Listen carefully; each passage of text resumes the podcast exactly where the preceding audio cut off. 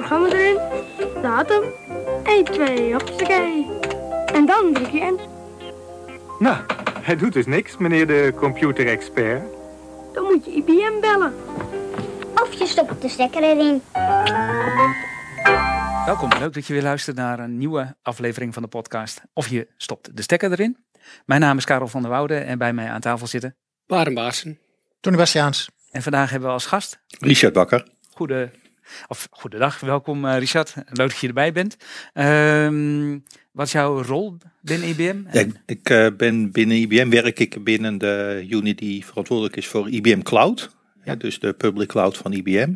En mijn rol daarin is die van een technical sales.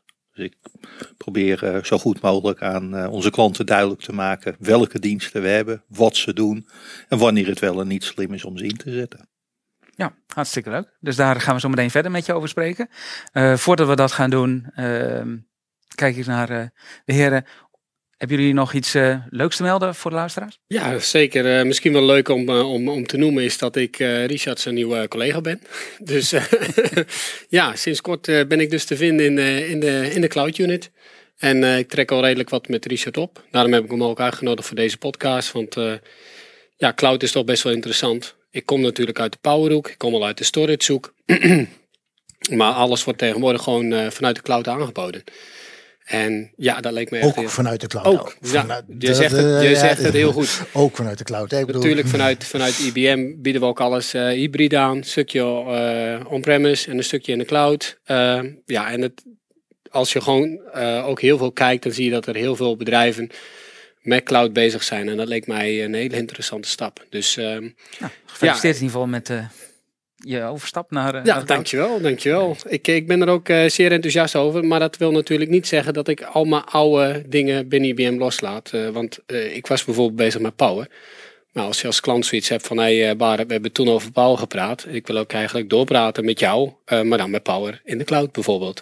Dan kan ik alsnog gewoon de, de adviserende rol daarin overnemen. Dus nee, zeker. Ik ben enthousiast. Succes in ieder geval in de ja, komende periode daar. Ja, ik had uh, nog een uh, dingetje wat ik tegenkwam uh, online.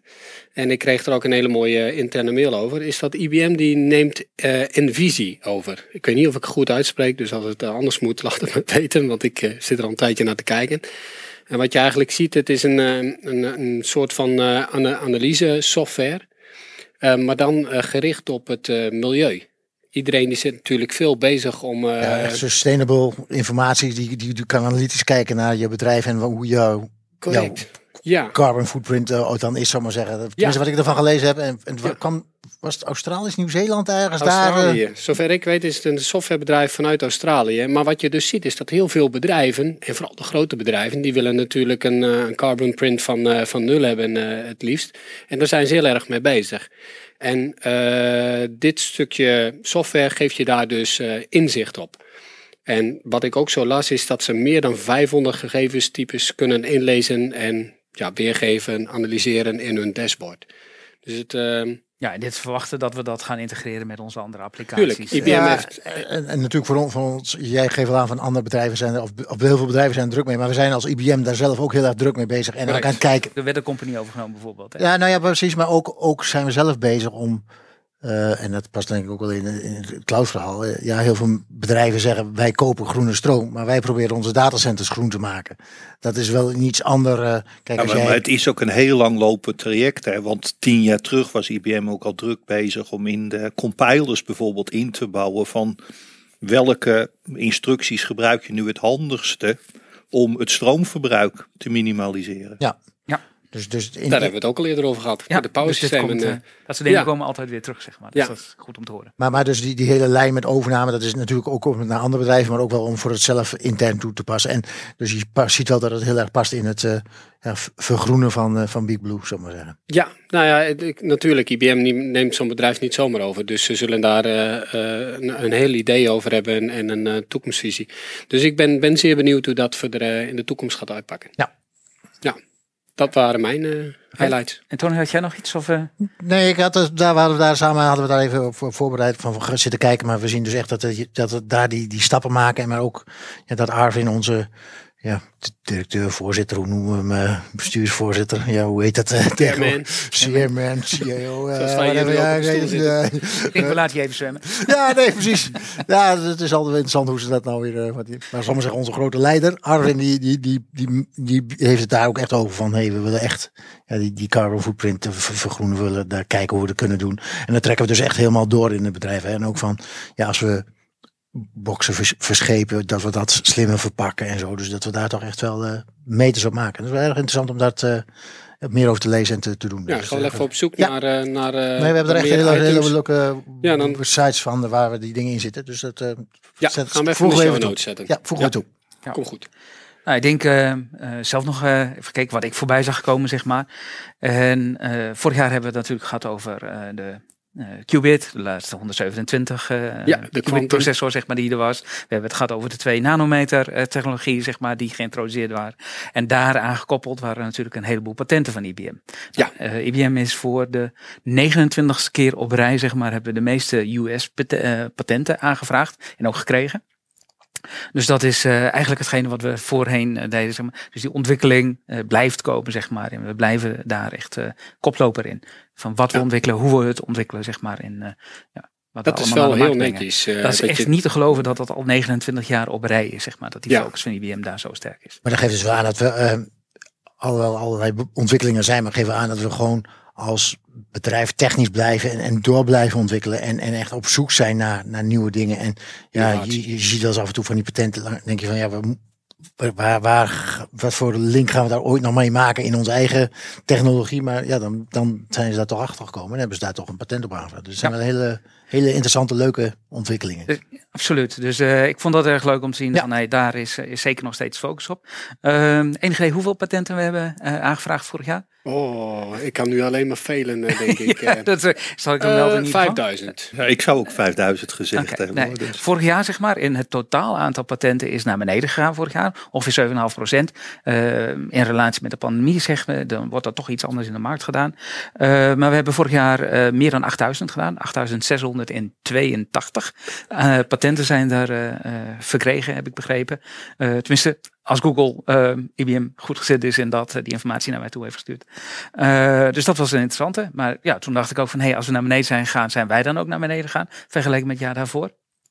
In 2020 hadden we 9130. Uh, Oké. Dus ja, we zijn iets naar beneden gegaan, maar niet zoveel als dat eh, gemiddeld, zeg maar. Dus, Ja. dus we En- zijn en- eh, en ik weet van de- van de- jongetje voor de klas. Grappig. jaren hiervoor, dat het gat, zal maar zeggen, tussen 1 en 2, dat dat ook groot is. Dat is niet dat het maar een paar honderd patenten verschil zit, maar dat zit echt in de...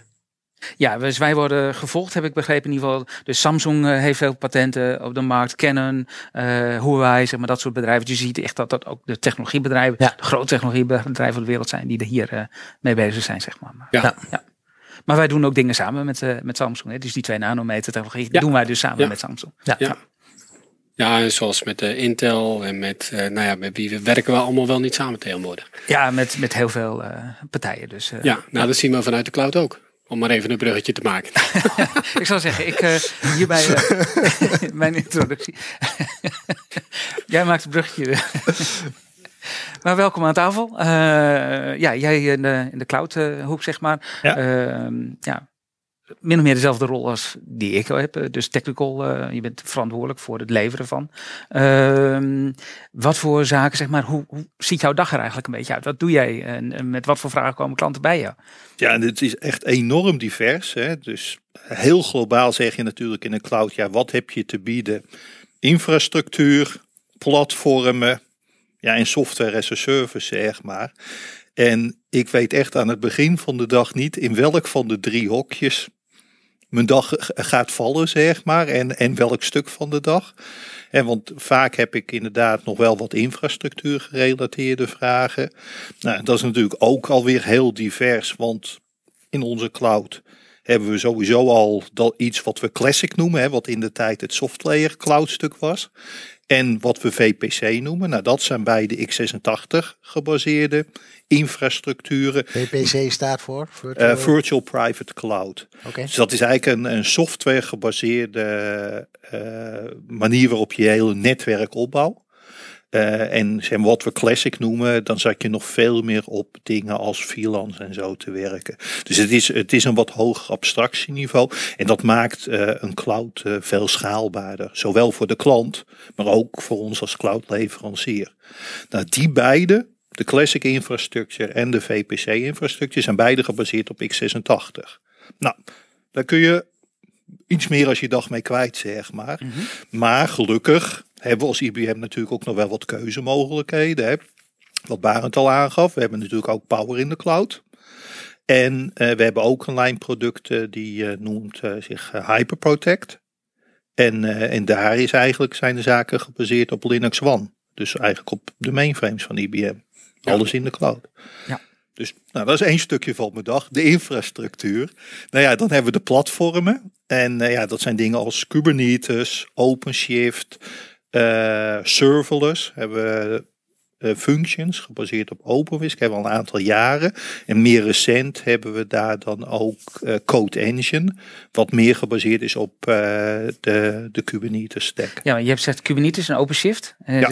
draaien we, dus kunnen ze ook um, vanilla eh, Kubernetes draaien? Of is het uiteindelijk altijd die koppeling er? Nee, het, eh, dus OpenShift is eigenlijk een superset voor ons ook van Kubernetes. Eh, en je kan beide gaan draaien eh, in onze cloud. En je hebt daarbij gewoon de keuze. Pak ik Kubernetes of, eh, of pak ik OpenShift? Ja. Dus, eh, en eh, ja, het mooie daarvan is IBM verzorgt het hele managementstuk van die containerplatformen. Neemt eigenlijk ook ja, de rekenkracht daarvoor voor zijn rekening. En als klant betaal je voor de clusters, dus de, de machines die jij reserveert voor je werkload. En hoe komen klanten bij jou terecht? Hoe eh, krijg jij je contacten, zeg maar? Eh, ja, Loopt dat ook allemaal via de cloud? Of heb je meer eh, daar... eh, Nou, dat wisselt heel erg. Hè. We hebben natuurlijk partnerkanalen waardoor dingen bij ons komen. Ik heb ook heel vaak dat ik met mijn collega's van nou, tegenwoordig IBM Consulting dingen samen doe. Ook collega's die ondertussen bij Kindle werken, waar ik samen mee werk. En dan inderdaad wat of directe contacten of ons saleskanaal, het marketingkanaal. Eh, soms eh, word je ook gevraagd van, hey, jij weet plotseling meer van een onderwerp. Kun je je Europese collega's daar ook wat van vertellen? Hè, dus daarvoor hebben we een concept dat heet de show me sessies. Van, Ja. Dan mag je wel wat vertellen, maar het is veel belangrijker dat je het ook echt laat zien. Nou ja, en als gevolg daarvan komen dan mensen ook wel eens van, kun je voor mijn klant in, nou, no- noem maar een uithoek van Europa het gaan doen. Nou ja, dan probeer je natuurlijk wel wat te beperken van, ja, maar eh, ik begrijp dat het niet in het Nederlands kan, hè, maar mijn Portugees is niet meer zo. Nou, Ja. hè, dus op die manier. En, en, en, en de hele cloud. Cloud is natuurlijk ja, het buswoord, zou ik maar zeggen, van de afgelopen jaren. Iedereen wil naar de, de cloud toe, of wil cloudische manier van werken. Ja. Zie je dat dan eigenlijk dat een hele bedrijven, zou ik maar zeggen, naar de cloud gaan? Of zie je dus dat ze echt zeggen van nou, de test development omgevingen of de backup en restore omgevingen, dat ze daarmee beginnen? Of hoe, hoe, ervaar jij dat? In mijn ervaring zijn het meestal applicaties die naar de cloud gaan. En daarbij eh, dan meestal wel de hele stack. Hè. Dus dan gaat en de devtest voor die applicatie naar de cloud. De applicatie zelf en backup restore, disaster recovery. En maar dat is dan inderdaad, ja, laten we maar zeggen, een vertical die richting de cloud. Maar, maar dan pakken ze wel de hele vertical die er, er. Het is niet zo dat ze zeggen, nou ja, we, pakken het topje, we maar zeggen, devtest en dan gaan we proberen in de cloud en dan. Nee, het is vaak wel de eerste stap natuurlijk. Je moet eerst wat ontwikkelen Ja. voor je het in productie hebt. Maar het, het doel is in ieder geval altijd om het hele ding te gaan doen. Ja, daarmee dus de data en computer en dat soort dingen bij elkaar te kunnen houden, Ja. zeg maar. Dus dat blijft nog steeds een focus. Precies. En een ander ding wat heel erg gebeurt is dat, eh, dat er gewoon een dienst naar de cloud gebracht wordt. Dus dat, dat is, komt meestal dan wat meer uit eh, de IT-toeleveranciers van de ondernemingen. Die dan zeggen van nou, vanaf nu kunnen wij in een Volt een backup voor je gaan maken bijvoorbeeld. En zo hebben we inderdaad een partij die op die manier eh, ook in Nederland een, een eh, cloud service met IBM Cloud heeft opgetuigd. En dan kun je dus als, als eindgebruiker zeg je van ik heb zoveel terabyte wat ik moet backuppen en dat klik je dan aan in de cloud en dat, dat wordt er een verbinding opgezet en dan op die manier wordt dat, zo Ja. moet ik dat dan zien? Ja, precies. Hè? Dus, en eh, of je precies aangeeft, ik doe zoveel terabyte. Of ik, Ja, wat maar- precies. Het, het- het- hè, dat, dat vind ik altijd wel een hele interessante discussie. En dan zit ik ook soms wel te mopperen op, op mijn eigen collega's. Hè, van wat bied je nu aan als je inderdaad iets in de cloud aanbiedt? Eh, in, hoeverre ontzorg je? Ja. Hè, dus als je zegt van nou, ik bied een dienst aan. Ja, en soms rekenen wij die diensten nog af op precies de consumptie die je aan infrastructuur doet. Ja, bied je dan een dienst aan of niet, zeg maar. Hè? Dus, dus dat, dat wisselt wel een beetje. Ja, maar dan bied je eigenlijk alleen een platform aan. Ja, hè, dus, dus stel de- voor, dat- je hebt, je hebt, je hebt een, eh, een, een, een, eh, message queuing product. Ja, reken je die dan al af op het aantal verwerkte berichten?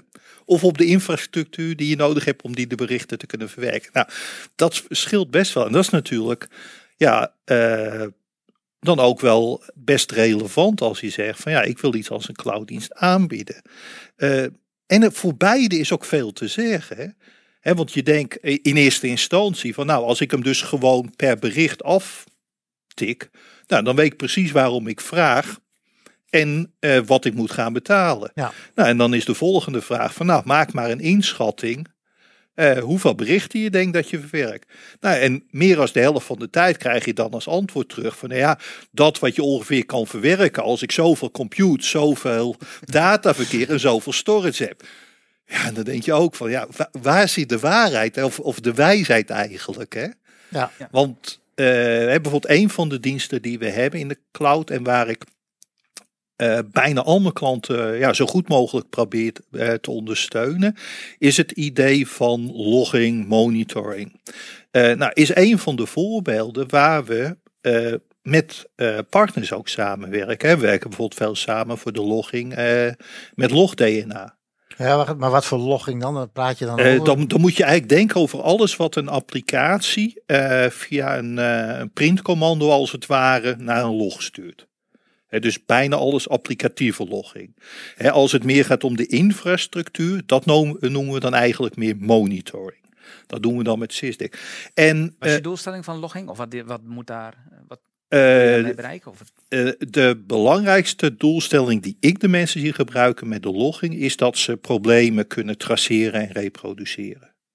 Eh, dus in principe is het redelijk nauw gekoppeld met het werk wat een al dan niet geautomatiseerde helpdesk aan het doen is.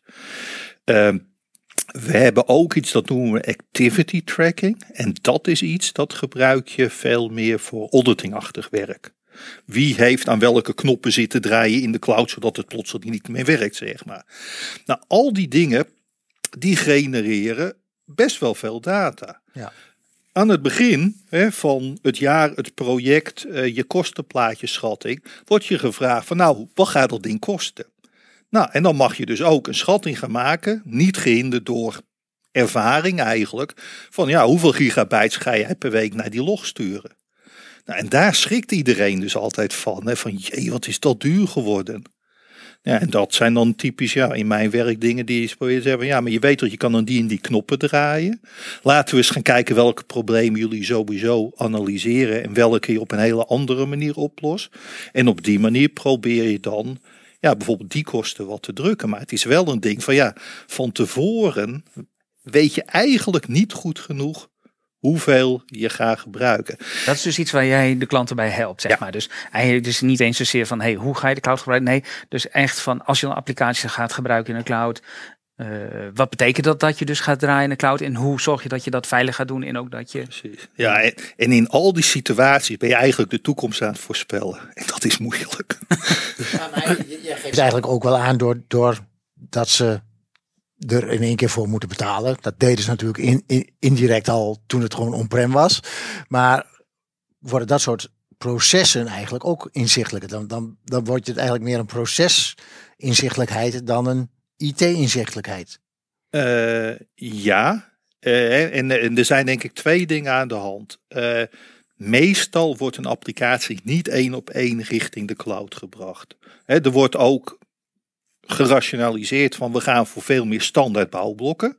Dus we gaan voor een standaard logging en monitoring oplossing. Daarmee trek je de boel uit elkaar. Ja. Daarvoor weet je eigenlijk niet hoeveel van die dingen gewoon rechtstreeks richting nul gepompt werden. Hè? En hoeveel dingen echt opgepakt werden. Eh, er waren natuurlijk ook andere mogelijkheden om te gaan kijken van, hé, hey, wat is er misgegaan? Omdat je ja, die hele bak tot je beschikking had. Hè. Je ging er met je schroevendraaier bij wijze van spreken in. En je kon ook na gaan kijken van wat is er eigenlijk gebeurd. Nou, je bent er nu wel verder weg van. Dus je moet het ook op een iets andere manier gaan bekijken om problemen te reduceren.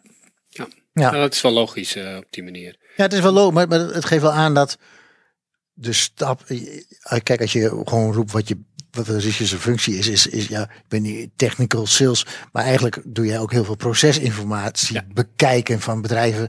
Het is niet puur van zoveel computer, zoveel storage, zoveel memory en eh, nou, dat eh, tellen we op en daar komt een streepje onder en eh, dat heb je nodig. Plop. Maar he- heel eerlijk hoor, zo beginnen we meestal. Ja, dan wel. begin je wel, maar dat, dat is wel de eerste vraag waar de klant mee komt. Maar als je Ja. dat, dat verder doorkijkt, wordt het wel van. Nee, en, en, en ik denk Wat- dat wat dat je wel ook nodig en- echt, en echt heel belangrijk is. Hè, van niet nadat die eerste stap eh, is het gewoon heel fijn eh, om inderdaad die relatie gewoon in stand te houden. Eh, twee dingen. Ik wil wel natuurlijk graag weten, ja, wordt het gebruikt en, en zijn ze tevreden? Ja, en inderdaad ook van, wat kan beter? Hè? Want eh, ik krijg natuurlijk zelf maar zoveel bedacht. Maar ja, al die lastige vragen die ik van mijn klanten vraag, eh, krijg, ja, daar word ik slimmer van. Ja, Daarom zie je ook dat er dus eh, redelijk veel POCs opgezet worden. Dan kunnen we dus al de, de, de software van de, van de klant kunnen we laten draaien. Ook met de logging aan bijvoorbeeld, of met, met functies aan die zij willen. En dan kun je ook na een, nou, hoe lang die, die periode ook duurt, kijk, hier liggen je kosten.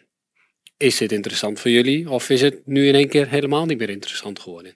Het maakt ook dat stuk eh, duidelijker, zeg dus- maar. ja. Van wat is er eigenlijk meer nodig om, om goed om ja, eh, een standaard applicatie te draaien in de cloud, zo'n Word of wat dan ook. Dat is relatief eenvoudig. Maar als je complexere eh, ja, Ja. stacks in de cloud gaat bouwen, moet je daar ook goed over nadenken. Wat is echt nodig om dit ook ja, Ja, kunnen en daarop- laten draaien? Ja, ja, maar het mooie is wel met de cloud, is van je kan, je bent niet alleen aan het nadenken, je kan het ook bijna meteen gaan doen.